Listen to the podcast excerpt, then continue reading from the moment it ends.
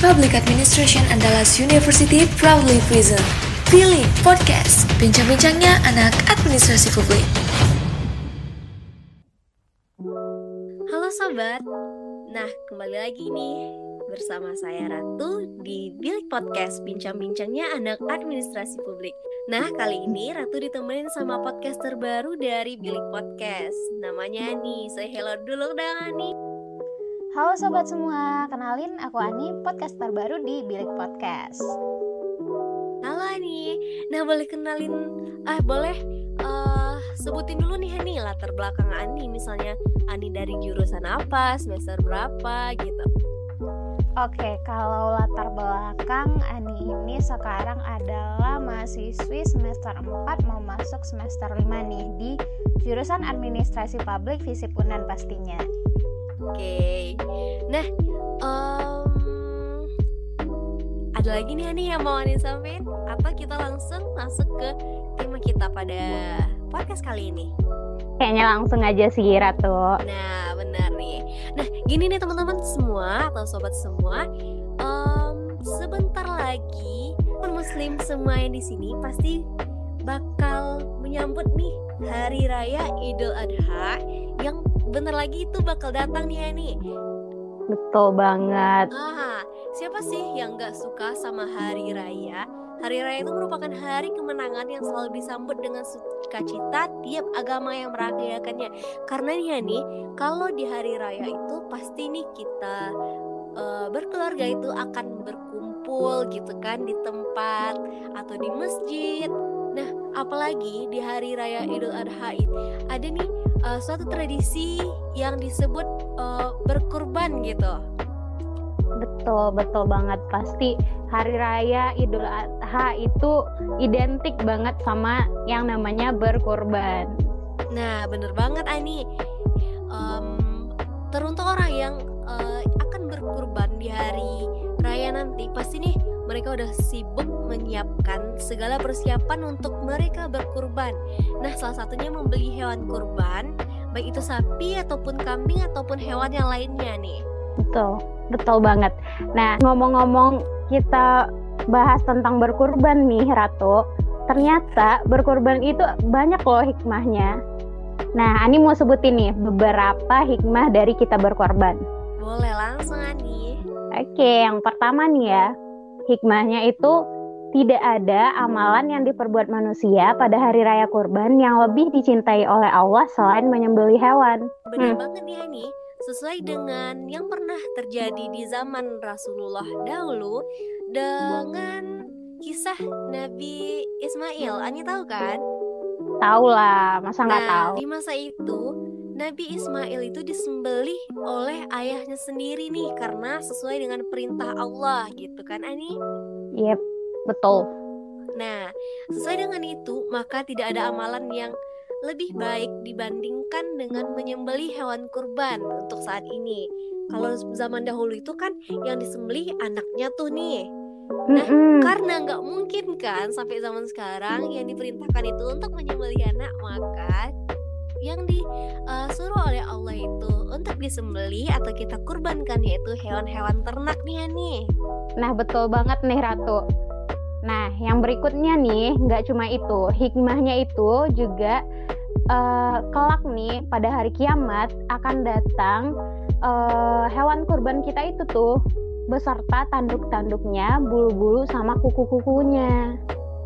Nah bener banget Tani. Um, Kira-kira buat apa ya nih hewan-hewan tersebut datang kepada kita pada hari kiamat kelak?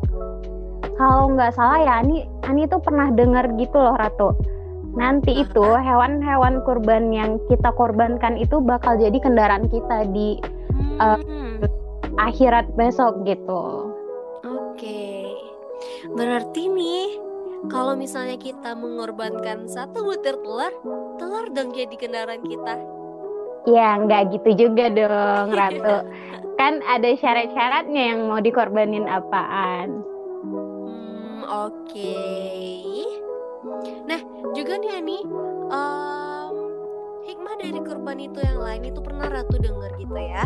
Sebelum hmm? darah korban itu mengalir ke tanah, pahalanya udah langsung diterima loh di sisi Allah Subhanahu wa taala.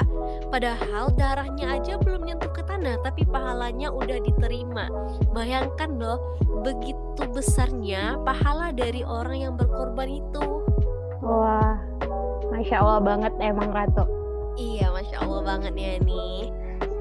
Nah, terkait masalah berkorban tadi, kalau Ratu sendiri tahun ini ikut nggak sih berkorban atau anggota keluarganya gitu? Um, kalau yang keluarga inti Ratu sendiri nih uh, tahun ini kayaknya nggak ada sih. Cuma di suku dari ayahnya Ratu itu ada uh, namanya pasukan Dalimo. Nah hmm. mereka berkurban nih nih sesuai dengan uh, syariat Islam. Uh, mereka berkurban di uh, satu wilayah gitu. Kayak di satu wilayah itu yang perumahan itu tuh isinya suku Dalimo semua gitu loh. Jadi mereka bikin pasukan Dalimo dan berkorban di sana. Wah berarti banyak tuh kan Ratu? Iya banyak banget tuh. dan ke saudara ayah gitu. Hmm. nah kalau buat berkorban ini sendiri pasti ada syarat-syaratnya kan Ratu? Nah bener banget dong yang Ratu tahu itu ya nih kalau orang yang mau berkorban itu um, itu ada syarat-syaratnya gitu. Nah apa aja tuh Ratu?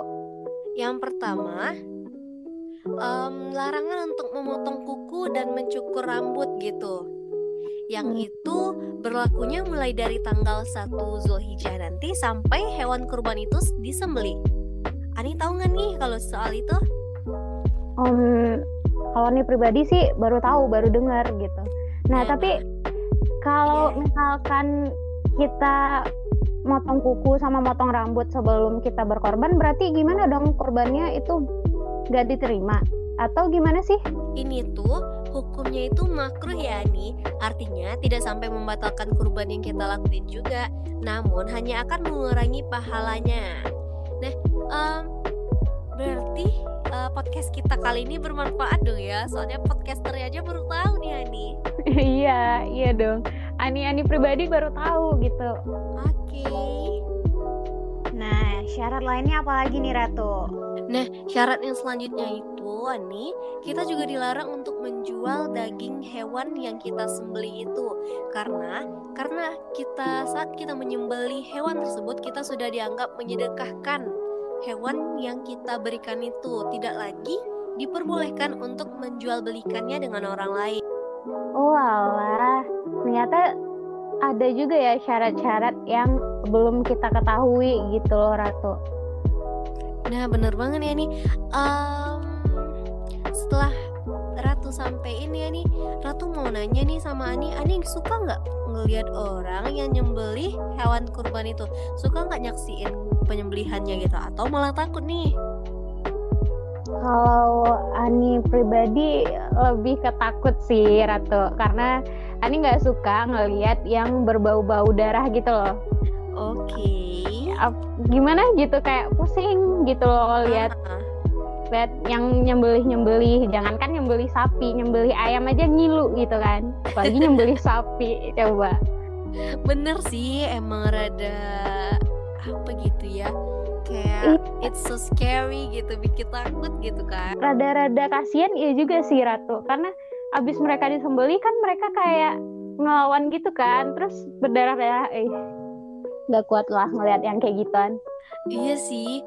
Coba bayangin Ani di tahun atau di masa kenabian dulu yang disembelih itu anaknya coba bayangin. Iya nggak kebayang. Sabar dan kuatnya iman dari Nabi Ibrahim yang begitu patuh dengan perintah Allah untuk menyembelih anaknya. Nah, betul banget nih Ratu. Nggak kebayang kan kalau di zaman sekarang kayak gitu. Pasti kita nggak bakal mau kan ibaratnya anak kita disembelih. Bener, udah susah-susah dapetin anak, malah disembelih iya. gitu kan. Iya, nggak bakal tega, serius. Nabi Ibrahim, Siti Hajar, dan putranya Ismail untuk berkorban dan berbakti kepada Allah Subhanahu wa taala itu sungguh merupakan perpaduan yang indah dan patut diteladani bagi umat manusia sepanjang zaman kan? Iya, betul banget. Bahkan sampai sekarang pun itu jadi teladan banget. Bener banget nih Ani. Uh, karena itu bisa memancarkan cahaya kebenaran dan melakukan perbuatan terpuji baik bagi diri kita ataupun keluarga maupun masyarakatnya. Selain itu nih Ratu, hal tersebut harusnya jadi pelajaran gak sih buat kita semua? Di mana kita tuh diajarkan untuk uh, selalu taat dan patuh atau taat dan mau mengikuti segala perintah yang Allah berikan. Jadian nih, Hari Raya Idul Adha ini merupakan hari raya yang Ratu tunggu banget. Karena selesai acara kurban itu, uh, warga di kampung Ratu itu berkumpul gitu. Terus mulai masak dan hasil masakannya itu emang dibagi-bagiin gitu juga nih. Terus apalagi nih ya nih kalau di kampung itu ratu rumahnya itu depan banget di depan masjid dan pastikan nyaksiin penyembelihan dan juga deket nih dari tempat untuk sholat gitu. Kalau ini gimana nih? Pasti asik kalau kayak gitu kan ratu? Iya bener pada rame gitu banyak banyak jajanan. Iya. Gak tuh Iya bener banget Walaupun nih ya Kalau emang Hari Raya Idul Adha itu Emang gak uh, semeriah Idul Fitri gitu kan Tapi kan mm. kesannya itu ditambah sama Korban yang uh, dilakuin Terus juga Kalau Idul Adha itu kan Takbirannya itu tujuh hari bukan sih? Oh kurang tahu sih Emang gitu ya tujuh hari gitu? Bener takbirannya itu dilakuin tujuh hari gitu. Eh iya iya iya iya iya iya, iya. beringat beringat. Iya bener banget. Jadi kan lebih nambah vibesnya gitu lebih kerasa kan kalau lagi ada hari raya di agama kita gitu nih nah betul banget nih Ratu. Jadi buat teman-teman nih yang mau berkorban Nah, mulai nih dari sekarang, mulai nabung gitu kan, nyicil, mau uh, berapa gitu sehari nabungnya. Nah, kalau tahun depan umur kita masih panjang, nah kita bisa berkorban gitu. Nah, bener banget nih ya nih. Kapan lagi kan gitu mengorbankan hewan? Jangan ngorbanin perasaan mulu buat doi kan sakit. Aduh, aduh dalam. sakit gak ada pahalanya lagi malah nambah Iya, betul banget.